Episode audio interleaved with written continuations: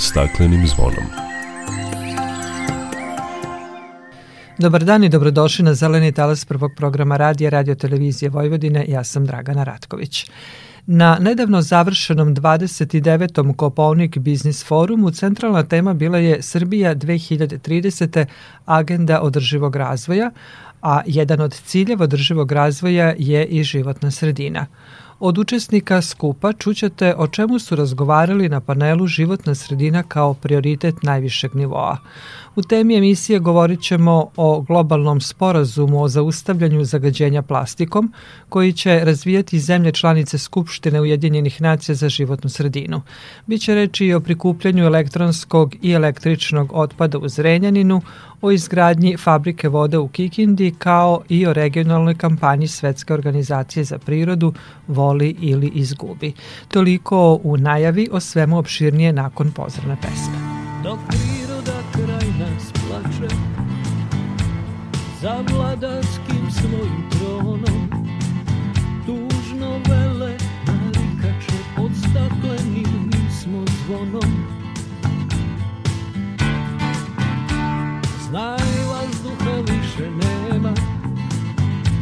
Sve manje je i ozona Protiv sebe ide čovek I to često bez pardona. Uništenju živog sveta Kao da su ljudi skloni. Čovek sam je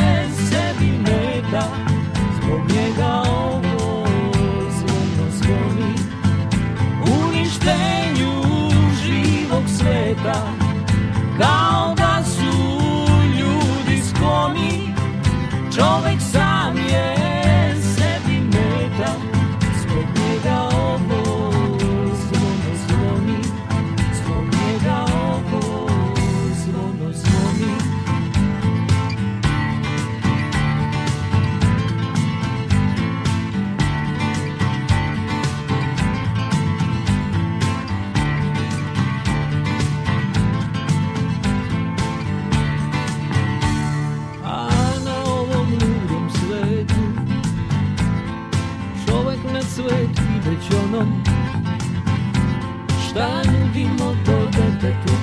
pod stakleni kad smo zvonom.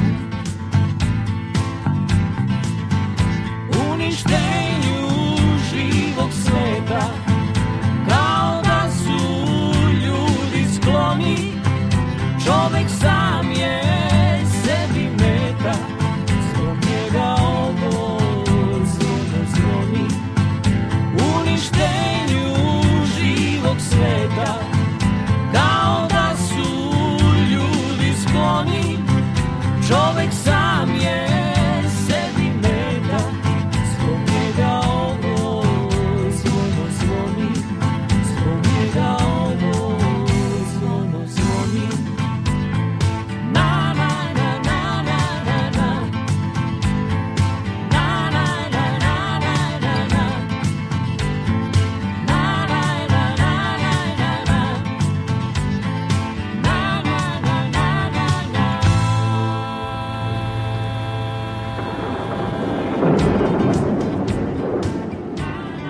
Na nedavno završenom 29. Koponik Biznis forumu centralna tema bila je Srbija 2030. agenda održivog razvoja.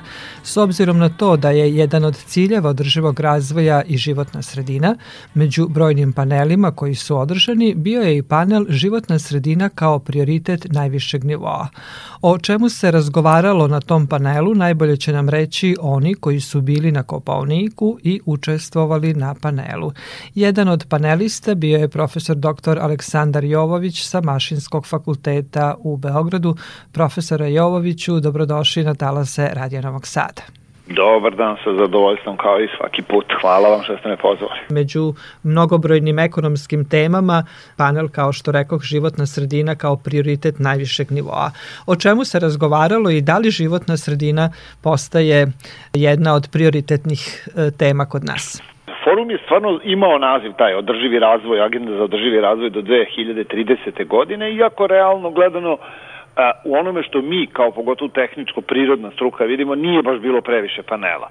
Ali generalno gledano kad pogledate i učesnike, kad pogledate naravno i nivo učesnika koji su bili i razne druge teme, bile su znači tu i paneli koji se odnose na energetiku i tako dalje i tako dalje, vidite da ipak ekonomsko poslovna sfera shvatila je u stvari kuda Srbija treba da ide izgleda pre onih ovaj, od kojih se pre to očekivalo, da kažem, ove tehničko-prirodne struke. Jeste, jedna od tema je bila ta životna sredina kao prioritet najvišeg nivoa i zanimljiv je to bio, bio razgovor. Deset godina je jako, jako kratak period, to nije sporno, ali u oblasti energetike i klime mora da se radi na duži rok i to je sad svima jasno da taj, ta 30 je tu samo kao jedna presečna tačka. Međutim, onda se naravno postavilo pitanje ok, ali šta mi zaista, šta mi zaista želimo? Kako mi, mi vidimo Srbiju za 10, 20, 30, 50 godina. Imaćemo manji broj stanovnika skoro pa izvesno. Imaćemo starosnu strukturu dosta promenjenu. Imaćemo, na primer, značajno uvedene mere energetske efikasnosti, znači da će se potrošnja smanjiti po, a opet s druge strane kako nam se standard bude uvećavao, je potrošnja će rasti. Zaista, koje su to potrebe za energijom, za industrijom. Da li želimo da se razvijamo u pravcu poljoprivrede ili želimo da se razvijamo u pravcu neke klasične industrije, da kažem teže industrije, da li želimo da se razvijamo u oblast IT sektora i šta je sa tim povezano, koliko to energije troši. Tu se postoji veliki broj zabluda. Vrlo brzo se došlo do zelene agende i vrlo brzo posle toga se došlo do shvatanja u stvari potrebe edukacije. Nekako su te stvari povezane, jako onako deluju kao floskule. Na primer, 80% otpadnih voda danas potiče iz oblasti poljoprivrede i prehrambene industrije u celom svetu i to su UNDP-evi, znači UN-ovi izveštaj. Znači ako želimo tu intenzivnu poljoprivredu kao što je vidimo u tamo nekoj Holandiji, znamo da će se i sredina naravno menjati. Normalno fokus je bio i opet iz skupa povezan naravno sa rudnicima, sa rudnikom, potencijalnim rudnikom litijuma u Jadru i tako dalje i tako dalje. Kakvi su vaši utisci i koji su zaključci ovog panela?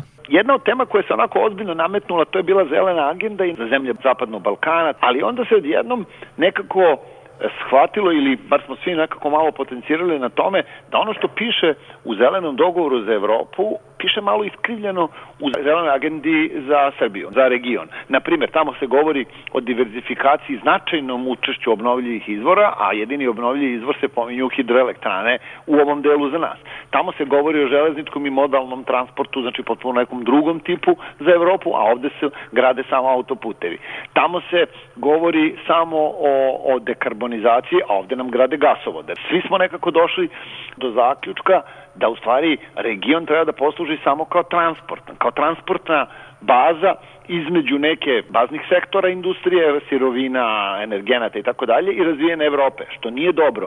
I strani ozbiljni istraživači kažu da nije dobro napravljeno zato što Balkan se na taj način neće približiti Evropi, nego ostaje i dalje u nekom zapečku. S druge strane, poremećaj koji se desio još prošle godine na sve, u svetu energenata zbog nedostatka vetra i tako dalje i tako dalje, a pogotovo sada kada je zbog rata rusko-ukrajinskog ovaj, cena gasa otišla. Ljudi su prosto gledali na različite načine. Jedni misle da će se to odraziti i vratiti na fosilna goriva, a lično mislim da je to nemoguća, nemogući događaj, da će da ovo što se pomalo fosilna goriva koriste u zapadnoj Evropi, to su samo da kažem, e, sigurnosne rezerve, znači to nije nikako paljenje onoga što je ugašeno, nego samo sigurnosne rezerve, a definitivno kad vidite sve ove evropske planove, vi shvatite u stvari da ta potreba da Evropa sama pronađe svoje izvore energije na različite načine i postane dosta nezavisna kako od ruskog gasa, tako i od američkog gasa, u stvari jedan od ključnih prioriteta.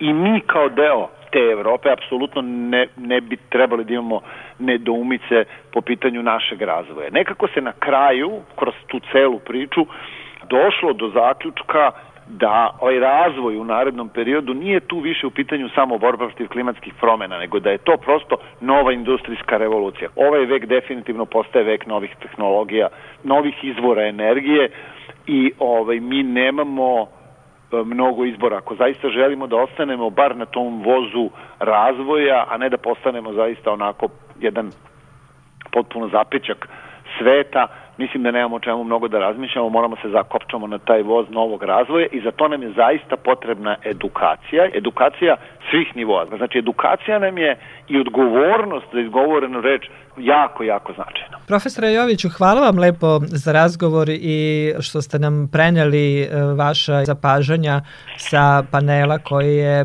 bio sastavni deo Koponik Biznis foruma koji je bio posvećen životnoj sredini. Hvala vama. Direktor regionalne IUCN-ove kancelarije za Istočnu Evropu i Centralnu Aziju, Boris Serk, takođe je bio učesnik panela Životna sredina kao prioritet najvišeg nivoa.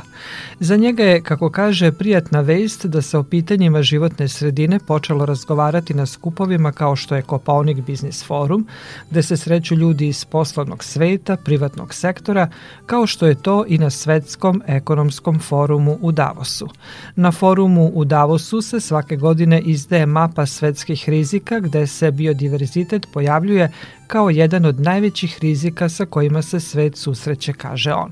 Na pitanje da li to onda znači da životna sredina postoje prioritet najvišeg nivoa i kod nas, kao što je i bio naziv panela, Boris Erg odgovara. Moj odgovor je bio zavisni sa koje strane se gleda i zavisi na šta se misli, jer to ovaj, može da podrazumeva razne stvari, gde, gde prioritet, na kojim mestima, u kom smislu i slično. Mi zaista vidimo jedno ubrzano osvešćavanje što se tiče životne sredine u Srbiji i regionu generalno vidimo da dolazi taj talas svesti kod, kod ljudi da je životna sredina bitna nešto što je bilo dugi niz godina zanemareno i to je ono što sada trenutno vidimo. E sad, kada je reč o životnoj sredini kao prioritetu donosioca odluka, e, finansijskih institucija i slično, tu stvari stoje drugačije malo, naravno. Životna sredina jeste nešto o čemu se više priča i više razmatra i mi čujemo, evo u poslednjih godinu ili dve dana sve više više čujemo da Srbija treba da se dekarbonizuje, da treba i zaista da se, da se uvode nove tehnologije i slično, što je pozitivno,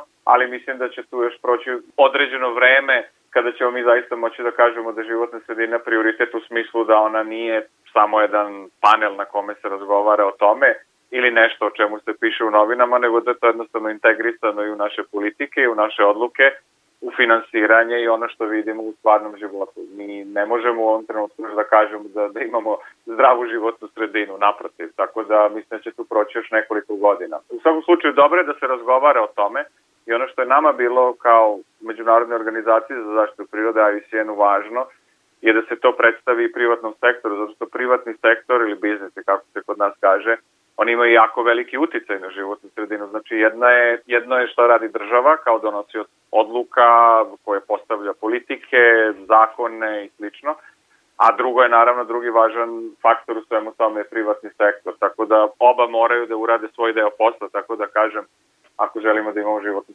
zdravu životnu sredinu. Koliko je e, interesovanje biznis sektora za životnu sredinu, kakvi su vaši utisci?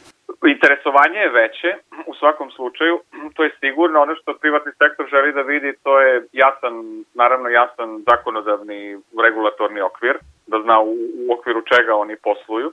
To je jedna stvar. Drugo, privatni sektor želi da vidi da li je to ne, investicija od koje eventualno može da bude dobiti, odnosno da vide u šta investiraju. Znači nije neophodno da to bude direktna dobit, ne, financijska dobit, ali da to možda bude nešto što pomaže široj zajednici, što, što doprinosi boljem životu i tako. Tako da razni su uglovi iz kojih privatni sektor gleda na, gleda na životnu sredinu. Postoje primeri, naravno, kompanija koje, koje ozbiljno shvataju pitanje životne sredine, postavljaju standarde, ne čekajući nekada i da država izađe sa standardima, nego jednostavno prenose standarde, pogotovo međunarodne korporacije i organizacije koje te standarde već primenjuju, recimo u Evropskoj uniji i slično, i prenose ih na naše tržišta, tako da ima pozitivnih primera u svemu tome. Ali on, kao što sam i rekao, znači taj, taj neki okvir mora da se postavi jasnije, ovaj, država mora da ima svoju ulogu zato što često investicije u životnu sredinu podrazumevaju neki, neki podsticaj zato što nisu nešto što, što donosi dobit kao, kao, kao klasičan biznis ovaj, i moraju da vide da se pravila poštuju. Znači, to, su, to je ono kako ja vidim kako privatni sektor gleda na pitanje zaštite životne sredine. Hvala Borisu Ergu što nam je prenao svoje utiske sa panela Životna sredina kao prioritet najvišeg nivoa, a na panelu je govorio i direktor javnog preduzeća Vojvodina šume Roland Kokaj, koji se osvrnuo na značaj krčenja šuma i korišćenje biomase.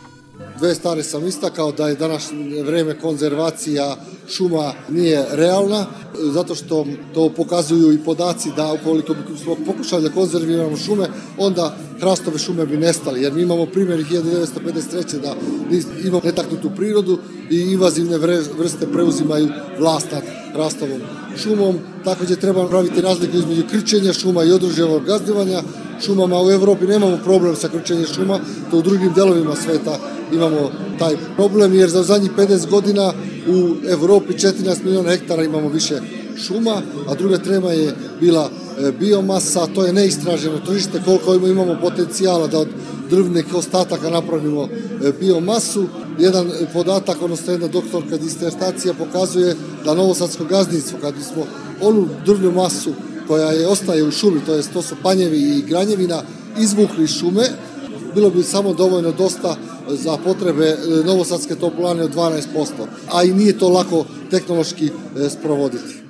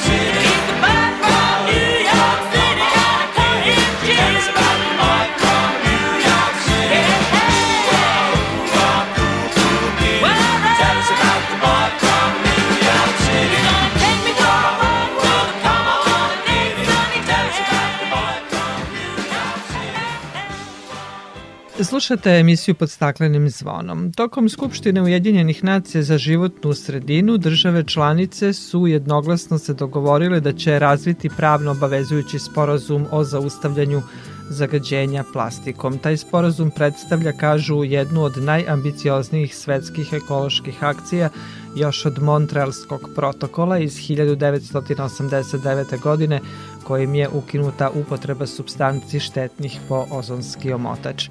Tim povodom na telefonskoj liniji je ekspertkinja za upravljanje otpadom Kristina Cvejanov. Kristina, dobrodošli na Talase Radio Novog Sada bolje vas našla, Dragana. Ujedinjene nacije pripremaju veliki međunarodni sporazum za okončanje svetskog zagađenja plastikom i svet bi u naredne dve godine trebalo da dobije još jedan značajan globalni sporazum poput onog parijskog. Kristina, sve više se govori o tome koliko je bačena plastika i plastični otpad štetan ako se nađe u prirodi i ovakav dogovor mnogi smatraju da je krucijalan kako bi se zaštitio biljni životinski svet, zaštitila priroda, ali i zdravlje ljudi. Da, naravno da je tako i naravno da je problem plastičnog zagađenja definitivno jedan od vodećih ekoloških problema globalno, znači ne samo u Srbiji gde je on dodatno pogoršan situacijom da mi dalje oko 80% našeg otpada iz domaćinstva odlažemo na, sena, na nesanitarne deponije koje su recimo u Evropskoj uniji davne dana zabranjene.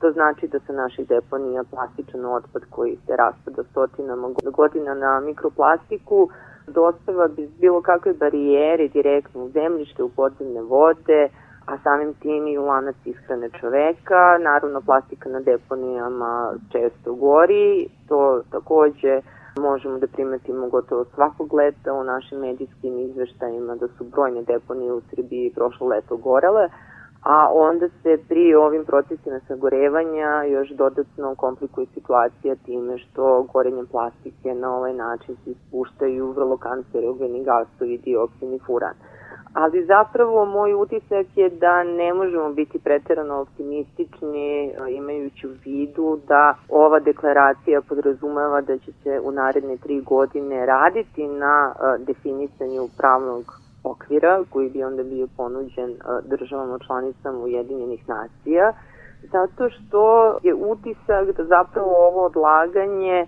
će imati u krajnoj instanci kao posledicu i dalje nagomilavanje plastičnog otpada u životnoj sredini, jer dok se ovi dokumenti definišu, pa dok onda prođe e, procedura usvajanja, pa onda oni po pravilu podrazumevaju i nekakve rokove za implementaciju. Mislim da mi u najboljem slučaju možemo kao svet tek tamo 2030. godine videti neke značajne rezultate ove inicijative. A do ovih 8 godina umeđu vremenu je zapravo jedno propušteno vreme da se napravi radikalni zaokret i reši problem plastičnog zagađenja. Šta je tu suština koju mora da razumemo? Poenta je u tome da najveći procenat plastike koji dospeva na tržište, a u najvećem obimu je to zapravo plastična ambalaža, nije uopšte reciklabilan. I da suštinski mi imamo jednu zabludu koju su namerno izazvali upravo kompanije koje proizvode iz naftnih derivata, znači pričamo o velikim svetskim lobijima plastične mase, činjenicom da je davnih dana zapravo usvojena nomenklatura da se plastični materijali označavaju trougom za reciklažu i brojem koji označava ti plastike. Tako da je većina građana koji nisu naravno informisani niti imaju prilike da se o tome informišu u zabludi kada vidi ovaj trougo za reciklažu i zaključi da se materijal može reciklirati. E, mi smo nedavno sproveli jedno istraživanje morfološkog sastava otpada u komunalnom preduzeću u higijeni Pančeva upravo sa ciljem da odvojimo sve osnovne tipove plastične ambalaže i da sagledamo koja je njegova primena i poražavajuće je da je od 12 kategorija koliko smo izdvojili samo dve kategorije i to pet boce i HDP odnosno ono što zovemo slengom tvrda plastika u koju se uglavnom pakuju recimo kečap i onda one velika pakovanja pavlake ili sladole da mogu da spadaju u ovu kategoriju. E, imaju nekakav tretman u Srbiji što naravno ne znači da se potpunosti recikliraju ali teoretski mogu da se recikliraju dok sva druga pakovanja u stvari u ovim uslovima mogu samo da završe na, na depu. Suština da. je u tome da je ovaj dugačak rok zapravo jedan kompromis sa industrijom koja je ova pakovanja stavlja na tržište. Ova industrija je i tekako dobro informisana i posljednjih godina pod uh, napadom ekoloških aktivista uh, širom sveta da promeni svoje prakse i da primeni mehanizme koji negde već postoje u zakonodavstvu Evropske unije. Znači, smatram da nije adekvatan rok od tri godine, da je on trebao da bude manji, upravo zato što mnoga rešenja već postoje inkorporirana u EU zakonodavstvo i mogu da se primene, odnosno mnogo brže može da se odgovori na problem plastičnog zagađenja i mislim da je negde licemerno jednu deklaraciju proglašavati jednim velikim, ajde da kažem, svetskim doprinosom borbi protiv plastičnog otpada, jer ona u ovoj fazi ne znači ništa. Zapravo je mrtvo slovo na papiru i samo pokazuje nameru da se u narednih 3 do 5 ili 10 godina zaista Ujedinjene nacije, a sam tim i vlade država članica pozabave ovim problemom. A mislim da ovo odlaganje generalno je opet na štetu životne sredine i da smo zaista mogli da budemo kao čovečanstvo mnogo ambiciozni u smanjenju zagađenja plastičnim otpadom. Pomenuli ste to da nije sav plastični otpad za reciklažu, a procenjuje se negde kod nas oko 200.000 tona plastike se baci na deponije na kojima će ostati godinama koliko se tim plastičnim otpadom ne upravlja na neki drugi način. Koji su to još načini koji bi plastika na neki način mogla da se reči u životnoj sredini? U suštini kada pogledate rezultate Evropske unije u reciklaži i ponovnom korišćenju, potpuno je jasno da najveći procenat plastičnog otpada u evropskim državama završava u postrojenjima za proizvodnju energije i to je definitivno jedan neizbežan segment sistema upravljanja otpadom. Za razliku od zapadne Evrope, u istočnoj Evropi ova postrojenja su redkost i, nažalost, i u Srbiji kao i u ostalim državama istočne Evrope plastika isključivo završava na deponijama. Incineracija plastičnog otpada podrazumeva da vi zamenjujete energente koji su poput uglja ili mazuta izuzetno štetni za životnu sredinu, a i čija cena zajedno sa cenom gasa na tržištu, pogotovo zbog ove situacije rata u Ukrajini, protoglavo raste.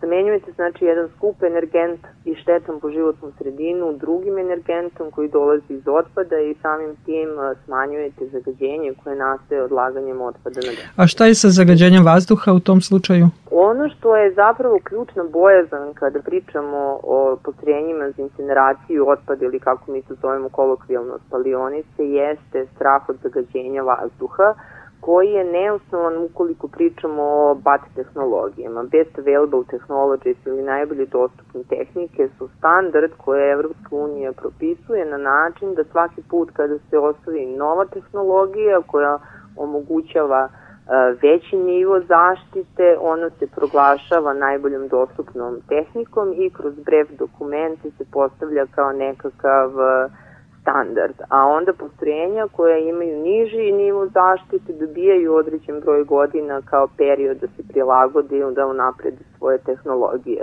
U ovom trenutku se zatvaraju brojne spalionice koje su izgrađene 50. godina po Evropi, pa odatle često dolazi zabluda da Evropa zatvara spalionice. Ne, Evropa zatvara stare spalionice zato što nove spalionice imaju mnogo uh, bolje mehanizme zaštite ne dozvoljavaju emisije dioksina i furana. Kada se plastika spaljuje, emisije CO2 su nekih 13 puta niže od emisija CO2 kada se spaljuje ugalj. Tako da u poređenju sa energentom koji je kod nas najzastupljeniji u pogledu emisija ugljen dioksida, plastika je definitivno bolji izbor. Međutim, bojazan dolazi od emisije da se spomenuti dioksina i furana i da bi uopšte imalo smisla da na teritoriji Srbije pravimo ova postrojenja, neophodno je da se faktički ovaj BAT standard definiše kao obaveza i u predlogu zakona o upravljanju otpadom koji nije usvojen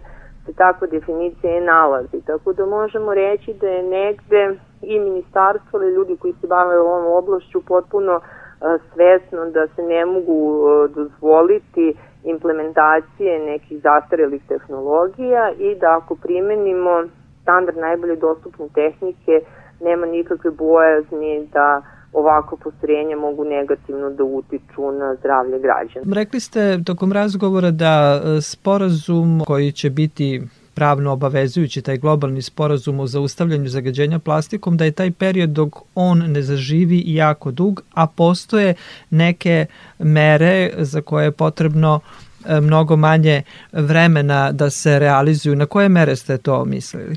Vrlo konkretne mere su primenjene direktivom jednokratne plastici koja je usvojena od strane Evropske unije recimo od prošle godine su zabranjene oksodegradabilne kese ili plastične kese sa aditivima za oksorazgradnju. A paralela sa tim ja moram da kažem da u Srbiji ove kese ne samo da nisu zabranjene, nego naše zakonodavstvo njih prepoznaje kao nekako ekološko rešenje i ove kese se čak komuniciraju u javnosti, pa i sami proizvođači i predstavljaju kao biodegradabilne kese. Iako suštinski oni nisu biodegradabilne kese, to bi podrazumevalo da se one mogu prirodno razložiti i da su prvo napravljene od biomaterijala, a ne od plastike koja se dobija iz nafte. Oksidegradabilne kese na tržištu Srbije, što još strašnije, su oslobođenje plaćanja naknade za životnu sredinu po zakonu o naknadama za korišćenje javnih dobara, jer na neki način je time zakonodavac hteo da stimuliše njihovu primenu, što je znači potpuno suprotno od ovog mehanizma koji je Evropa primenila, tako da mi smo u poslednje 4-5 godina izgubili negde oko 5 miliona evra, odnosno milion evra godišnje gubimo time što ne naplaćujemo ovaj vid ekološke takse i taj novac ne ulažemo u sakupljanje i reciklažu ili tretman energetski kesa tregerica. Jedan drugi mehanizam je zabrana recimo određenih vrsta, ajde da kažem, plastičnog pribora, prvenstveno za jelo, to su catering posude, onda plastične slamčice, tako da a, možemo pričati zapravo o mnogo različitih mehanizama koje Evropa sve prepoznaje. Jedan od njih je definitivno depozitni sistem za ambalažu koji je namenjen efikasnom prikupljanju pet boca, o kome se u Srbiji dosta priča, ali naravno i ovde negde e, imamo taj problem da industrija nije dovoljno agilna da ove mehanizme primeni zato što one naravno nose određeni trošak za kompanije koji proizvode plastičnu ambalažu. Ono što je najznačajnije da razumemo, e, to je princip produžene odgovornosti proizvođača koji podrazumeva da onaj koji je ostvario profit na prodeji proizvoda upakovanog u plastičnu ambalažu je zapravo odgovoran da finansijski obezbedi da se ova ambalaža zbrine na odgovarajući način. I to je upravo ono gde ja i jesam nezadovoljna smatrajući da nije bilo potrebno da čekamo 3 ili 3 plus godina da bi nam Ujedinjene nacije saopštile da problem uh, zagađenja plastičnog otpada nastaje zbog toga što kompanije nisu u ceni proizvoda uključile trošak njegovog zginjavanja, pa onda i nisu motivisane da napređuju pakovanja da bi se ona mogla reciklirati. Ovo je u suštini nešto što i tekako utiče na profitabilnost kompanija, zato i postoje jaki lobby decenijima unazad da se prikirije problem plastičnog otpada i da se u suštini zadrže niske cene ove ambalaže, a da onda zapravo trošak štete koje oni prave na životnu sredinu mi prebacujemo na nekakvog imaginarnog građana ili državu koja onda treba sama da se bori sa zagađenjem. I mislim da u tom smislu e, ovo jeste neka vrsta, ovaj sporazum neka vrsta kompromisa sa industrijom u smislu da se izbegnu to duže vremena i veći troškovi upravljanja koji bi zapravo proistekli iz ovog principa koji sam spomenula produžene odgovornosti proizvođača. Znači, ne trebaju Ujedinjene nacije da izmišljaju toplu vodu, princip je vrlo jednostavan. Ako ste zaradili pare time što ste proizveli nešto upakovano u plastiku, a to je završilo kao otpad, onda iz svog profita vi ovo treba i da finansirate, da se taj otpad sakupi, da se on reciklira ili da se koristi za dobijanje energije kroz naknade za ambalažu ili druge vidove ekoloških taksi, ova sredstva se naplaćuju i onda se ona ulaže u razvoj primarne selekcije, u razvoj sekundarne separacije i tretmana. Znači, to je ono što mi možemo kao država da uradimo ne čekajući Ujedinjene nacije, jer se upravo nalazimo u periodu kada kreću projekti izgradnje regionalnih centara, ali suštinski oni ne rešavaju upravljanje otpadom, jer i kada ove investicije budu bile gotove, komunalna preduzeća neće imati finansijske mogućnosti da izdvoje sve tipove plastike, uključujući i reciklabilni i onaj otpad koji može da se koristi za dobijanje energije, nego će on, kao što je slučaj na drugim deponijama, završavati i dalje odloženo u životnu sredinu. Dakle, finansijski mehanizmi, odgovornost onoga koji je stvorio zagađenje su rešenje.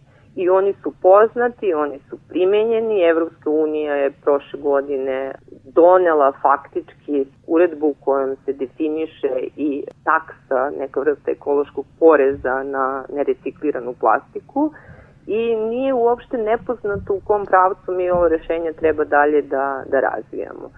Moj lični stav je da Srbija za koju ne znam uopšte da li je potpisnica ovog e, dokumenta, ove deklaracije, to naše ministarstvo nije objavilo, ne postoji nekakav izvor gde bi mogli da utvrdimo da li je Srbija potpisala deklaraciju ili nije, ali čak i da nije, po meni mislim da ne treba da čekamo 3, 4, 5, 6, 7 godina da nam Ujedinjene nacije kažu šta treba da radimo, nego treba da faktički iskoristimo naredne godine da troškove upravljanja plastikom prebacimo na onoga ko taj otpad stvara i da iz ovih sredstava obezbedimo ne samo razvoj sakupljanja plastike iz komunalnog otpada, nego i razvoj tretmana kako ona ne bi završavala u životnoj sredini. Pored incineracije postoji još jedna vrsta tretmana koja nije naročito popularna takođe u krugovima aktivista jer ih asocira negde na, ajde da kažem, moguć, mogućnost zagađenja vazduha, to je piroliza plastike ili hemijska reciklaža plastike, tako da potencijalno i ovakva postrojenja u Srbiji mogu da narednih godina budu deo lanca upravljanja otpadom i da obezbede da se od otpadne plastike proizvodi faktički novi proizvod, dobija se ulje iz koga se kasnije radi regranulacije i prave nove vrste plastike.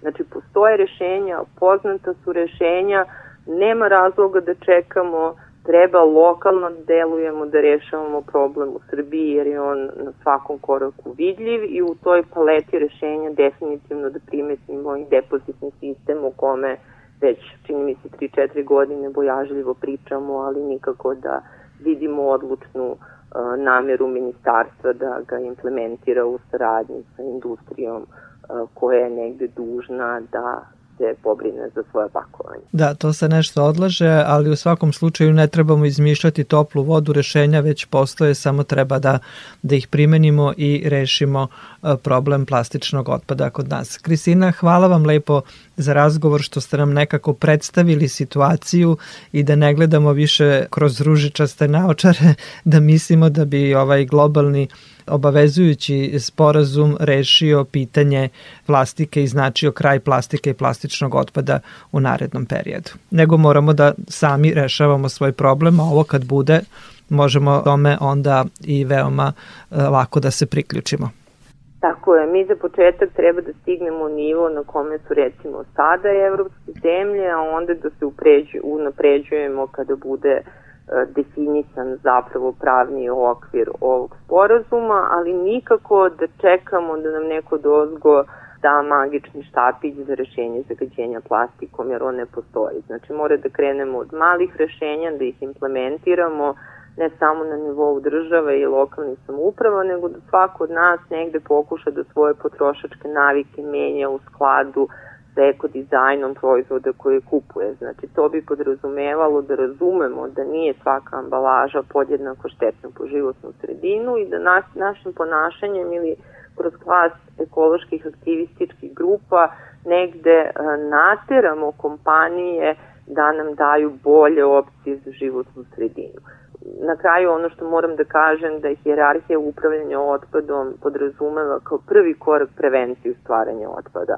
Tako da ako ništa, barem svako od nas može da se potrudi da kupuje manje i da naravno baca manje, a onda da svi zajedno glasno tražimo od e, države da nam obezbedi živimo u čistoj životnoj sredini jer je to naše ustavno pravo i odnosi se ne samo na zagađenje vazduha, nego se odnosi i na zagađenje mikroplastikom koje i tekako dobija razmere jedne ekološke katastrofe. Eto, neko to bude i poruka za kraj ovog našeg razgovora o upravljanju plastikom i plastičnim otpadom. Kristina, hvala vam lepo za razgovor i učešće u programu Radija Novog Sada.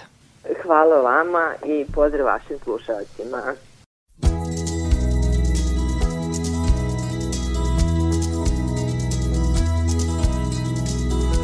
Everybody's talking at me I can't hear a word they say.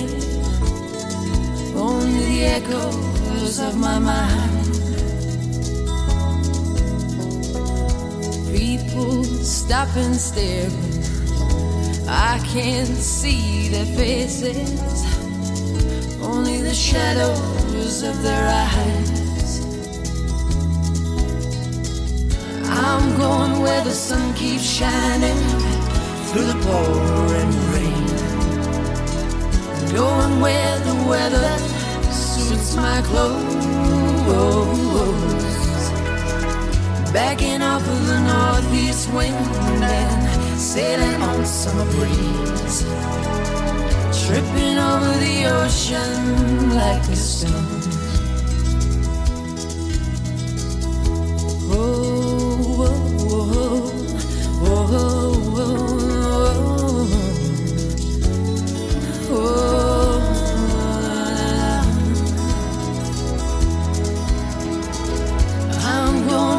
Sun keeps shining through the pouring rain. Going where the weather suits my clothes. Backing up of the northeast wind and sailing on summer breeze. Dripping over the ocean like a stone. Everybody's talking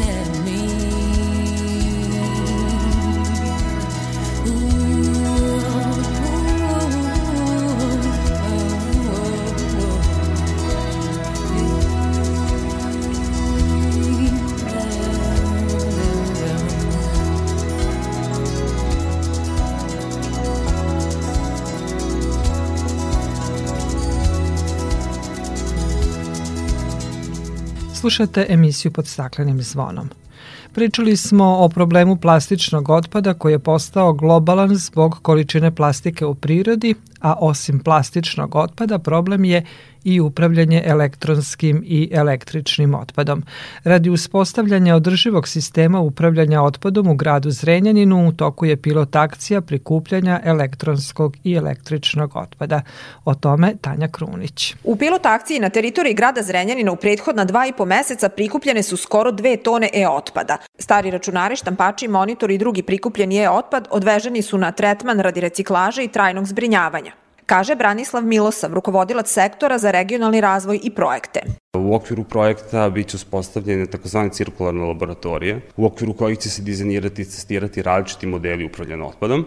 I jedna od takvih laboratorija je uspostavljena u našem gradu Zrenjaninu i on se bavi elektronske i električne opreme. Ovlašćeni operator sa kojim je grad Zrenjanin potpisao ugovor o preuzimanju otpada je Ekometal, a na taj način stvorili su se uslovi za otpočinjanje akcije E-cikliraj. U sklopu projekta krajem prošle godine nabavljena je oprema za prikupljanje i transport e-otpada. Kaže Vladimir Vujin, tehnički direktor javno-komunalnog preduzeća preduzeće Čistoća i Zelenilo Zrenjanin. Samim razvojem elektronske tehnike i napretka e, tog otpada je sve više i naši sugrađani taj otpad stavljaju u kontejnere, pored kontejnera, mešaju ga sa komunalnim otpadom, izbacuju na divlje deponije, a to nije otpad koji bi trebao da se meša sa komunalnim otpadom, tako da je ovo jedan vid e, recikliranja i početka odvajanja otpada. U ovu akciju uključeni su gradska uprava, javna preduzeća i mesne zajednice na teritoriji grada, kaže Branislav Miloslav, rukovodilac sektora za regionalni razvoj i projekte. Ono što nas očekuje u narednom periodu negde svakog, to je nastavak ove pilot akcije i uključivanje građanstva, drugih privrednih subjekata, isto tako radit ćemo na edukaciji i na informisanju građana o ovom problemu, a sve u cilju održivog upravljena otpadom u gradu Zrenjaninu. Projekat realizuju grad Zrenjanin, javno komunalno preduzeće Čistoće i zelenilo u partnerstvu sa Regionalnim centrom za društveno-ekonomski razvoj Banat. U naredne dve godine u Kikindi bi trebalo da bude završena fabrika vode. Ukupna investicija vredna je 11 miliona 400 hiljada evra, a taj projekat rešit će više decenijski problem obezbeđivanja zdrave pijaće vode u gradu na severu Banata. Lokaciju na kojoj su počeli radovi na izgradnji fabrike vode obišao je i Tomislav Momirović, ministar građevinarstva, saobraćaja i infrastrukture. Više o tome Tanja Popović. Nakon decenije iščekivanja i razmatranja, u proteklih 5-6 godina intenzivno se radilo na projektu fabrike vode u Kikindi, iznalaženju najboljeg tehnološkog rešenja. Kako je naglasio gradonačelnik Nikola Lukač uz podršku vlade Republike Srbije i Nemačke razvojne banke, otpočela je realizacija tog za Kikindu važnog projekta. Siguran sam da će dokazana tehnologija naših prijatelja iz Nemačke doprineti da građani Kikinde imaju pijeću vodu kakvu zaslužuju, i ne tako mala investicija koja je vrednost negde oko 11,4 miliona eura. U prvoj nekoj fazi 9,6 miliona eura je obezbeđeno. Zahvaljujući uspešnoj saradnji Nemačke razvojne banke i Ministarstva građevinarstva, saobraćaja i infrastrukture, u Srbiji je do sada u 20 lokalnih samuprava uloženo oko 80 miliona evra na projektima vodosnabdevanja. Izgradnja fabrike vode u Kikindi jedan je od uspešnih projekata, rekao je Rudiger Hartmann, direktor predstavništva KFV-a u Beogradu. Projekat u kome Kikinda učestvuje zapravo je faza 5 projekta vodosnabdevanja i tretmana otpadnih voda, jedan važan projekat u, toj seriji projekata, njegov ukupni budžet je 21 milion evra, jedna od glavnih investicija je ova investicija u Kikindu, zašto je KFE obezbedio 6 miliona evra, dok je ostatak sredstava obezbeđen od strane ministarstva i opštine. Kako je naglasio Tomislav Momirović, ministar građevinarstva, saobraćaja i infrastrukture, početak radova na izgradnji fabrike vode od izuzetnog je značaja za građane Kikinde, ali je istovremeno i projekat koji treba da bude pravo rešenje i za druge gradove u Vojvodini. Želimo da izgradnju ove fabrike vode ili kako bi ih nazvao, da od nje napravimo jedan uspešan projekat koji ćemo preneti i na druge lokalne samubrave u Vojvodini i da u narednih 5 do 7 godina rešimo pitanje vodosnabdevanja ne samo u ovom gradu, nego u svim gradovima koji imaju objektivno velikih problema sa snabdevanjem vodom, U završnoj fazi je projekat prečišćavanja otpadnih voda i, kako je najavio ministar Momirović, u narednom periodu treba očekivati realizaciju i tog projekta u Kikindi.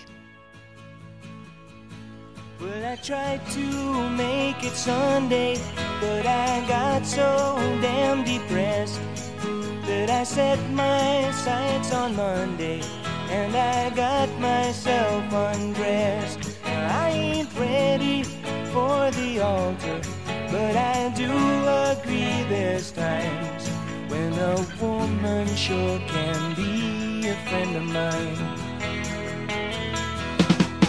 But I keep on thinking about you,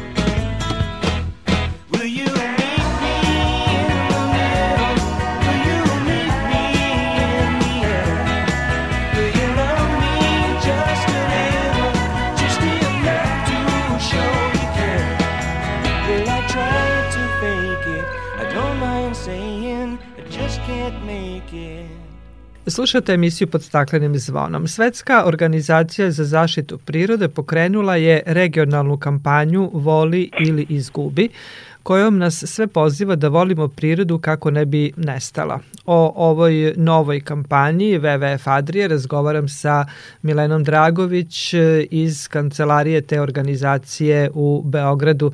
Milena, dobrodošla na Zeleni talas Radija Novog Sada. E, dobar dan, hvala na pozivu i pozdrav vama i svim slušalcima.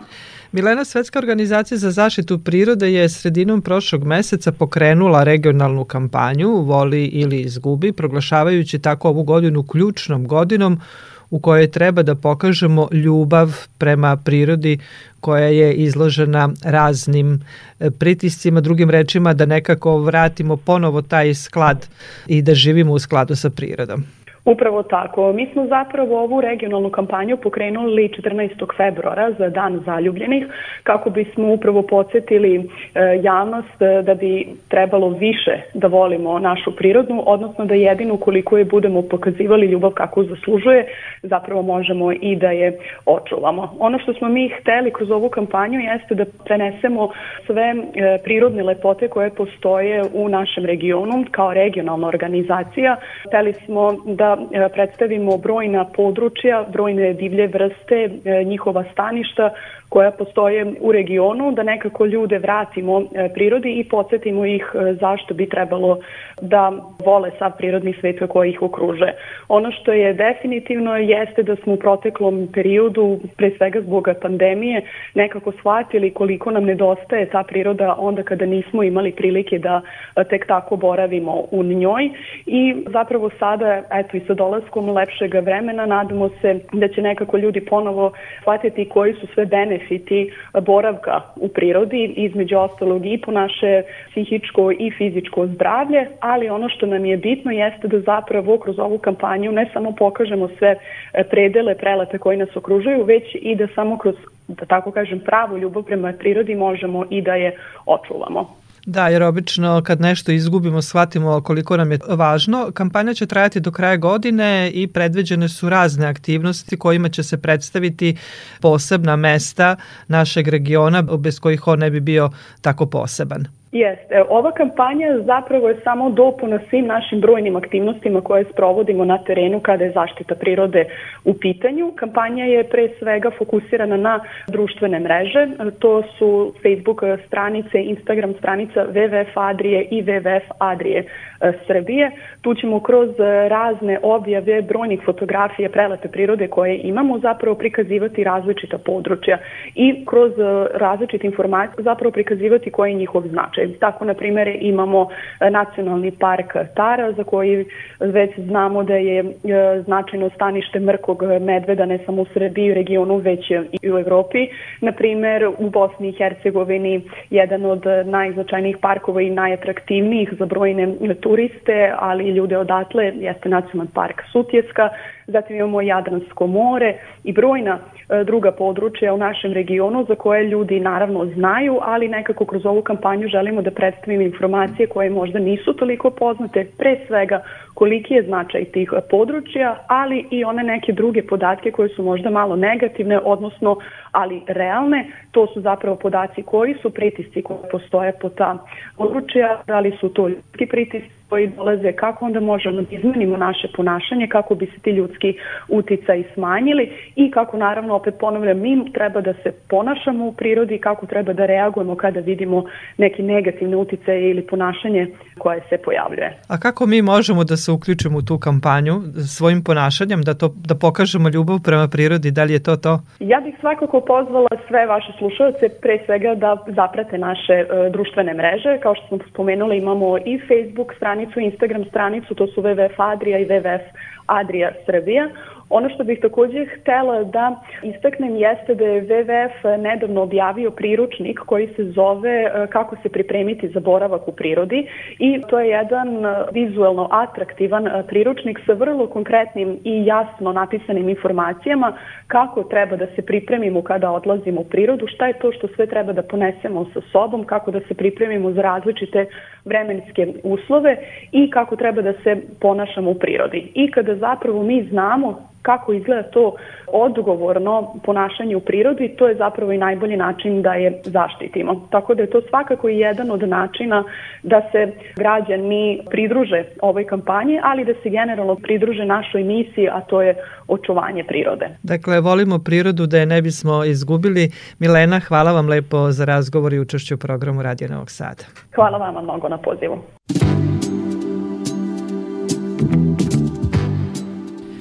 Toliko u ovom izdanju emisije pod staklenim zvonom koji možete slušati odloženo na podcastu Radio Televizija Vojvodine na adresi rtv.rs. Na pažnji vam zahvaljuju Dalibor Vidović, Zoran Gajinov i Dragana Ratković. Naredni susret zakazujemo za sedam dana u isto vreme na zelenom talasu prvog programa radija Radio Televizije Vojvodine.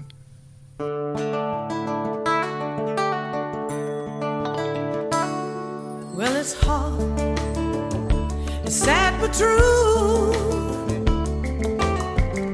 This world wasn't meant for the likes of me and you. Rich man steals from the poor man, the poor man starves. Come time to vote, big boys bleed from the heart. What can we do stripped us of our pride.